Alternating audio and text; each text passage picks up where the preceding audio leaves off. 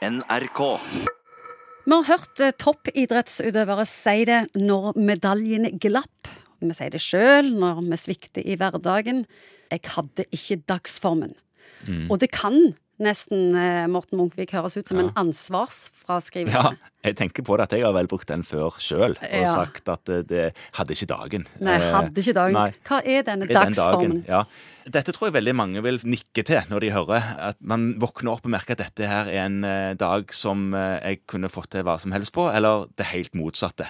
Og det er nok helt umulig å si hva dagsform er, eller hva god og dårlig dagsform skyldes. Hva består han av? Ja, hva består han av? Han består av en evne til å motstå fristelser, med at en klarer å gjennomføre ting som man hadde tenkt. Konsentrasjon og hjerne og futt i bein og sånt. Ja, ja, alt. Pusten. Alt dette. Alt dette bakt sammen gjør Ja. jo at du føler at dagen er din, eller at den burde bare gått over til neste dag. Og hvorfor er det så enormt vanskelig å styre dagsformen? Det er vel fordi man ikke helt vet nøyaktig hva som skal til for at han skal bli god. Jeg tror mye dagsform handler om å få spise godt og sunt og få den søvnen en skal.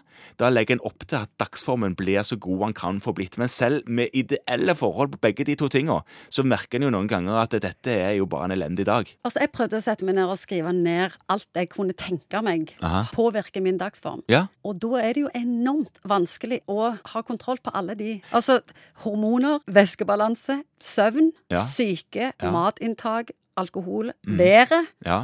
Jobben. ja. og en god del av de tingene du skriver der, om du prøvde, så hadde du ikke fått kontrollen over det en gang. Så da kan vi på en måte forstå toppidrettsutøveren som mister ut Ja, ja, ja. Man kan, man kan legge opp til å ha et så verna og beskytta liv fram mot den 100-meteren i OL som bare det, altså. Og allikevel så var det noe galt med, med dagsformen den dagen.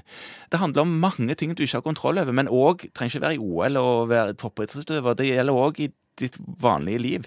Bare tenk på hvis du for eksempel jobb, Dette er jo gjort forskning på, faktisk. Hvis du jobber en hel dag med å gjøre ting, og så må du hele veien motstå fristelsen. Eksempel hvis det sto twist på bordet ditt hele arbeidsdagen, og du visste at jeg burde ikke spise denne twisten, og du hele dagen går og jobber med at du ikke skal spise, da vet vi jo fra forskning at eh, du er veldig mye mer mottagelig for en fristelse, for du har brukt opp motstandskraften din. Sånn at hvis noe skjer på ettermiddagen da, som du egentlig burde hatt standhaftighet til å stå imot, ja, så glipper det. Men det er jo òg en slags dagsform, ikke sant? At du rett og slett blir veik. Du klarer ikke å ta de kloke valgene du burde tatt, fordi at du har jobba sånn gjennom dagen med å motstå ting. Når vi skylder på dagsformen, så er det på en måte uansett vår egen feil.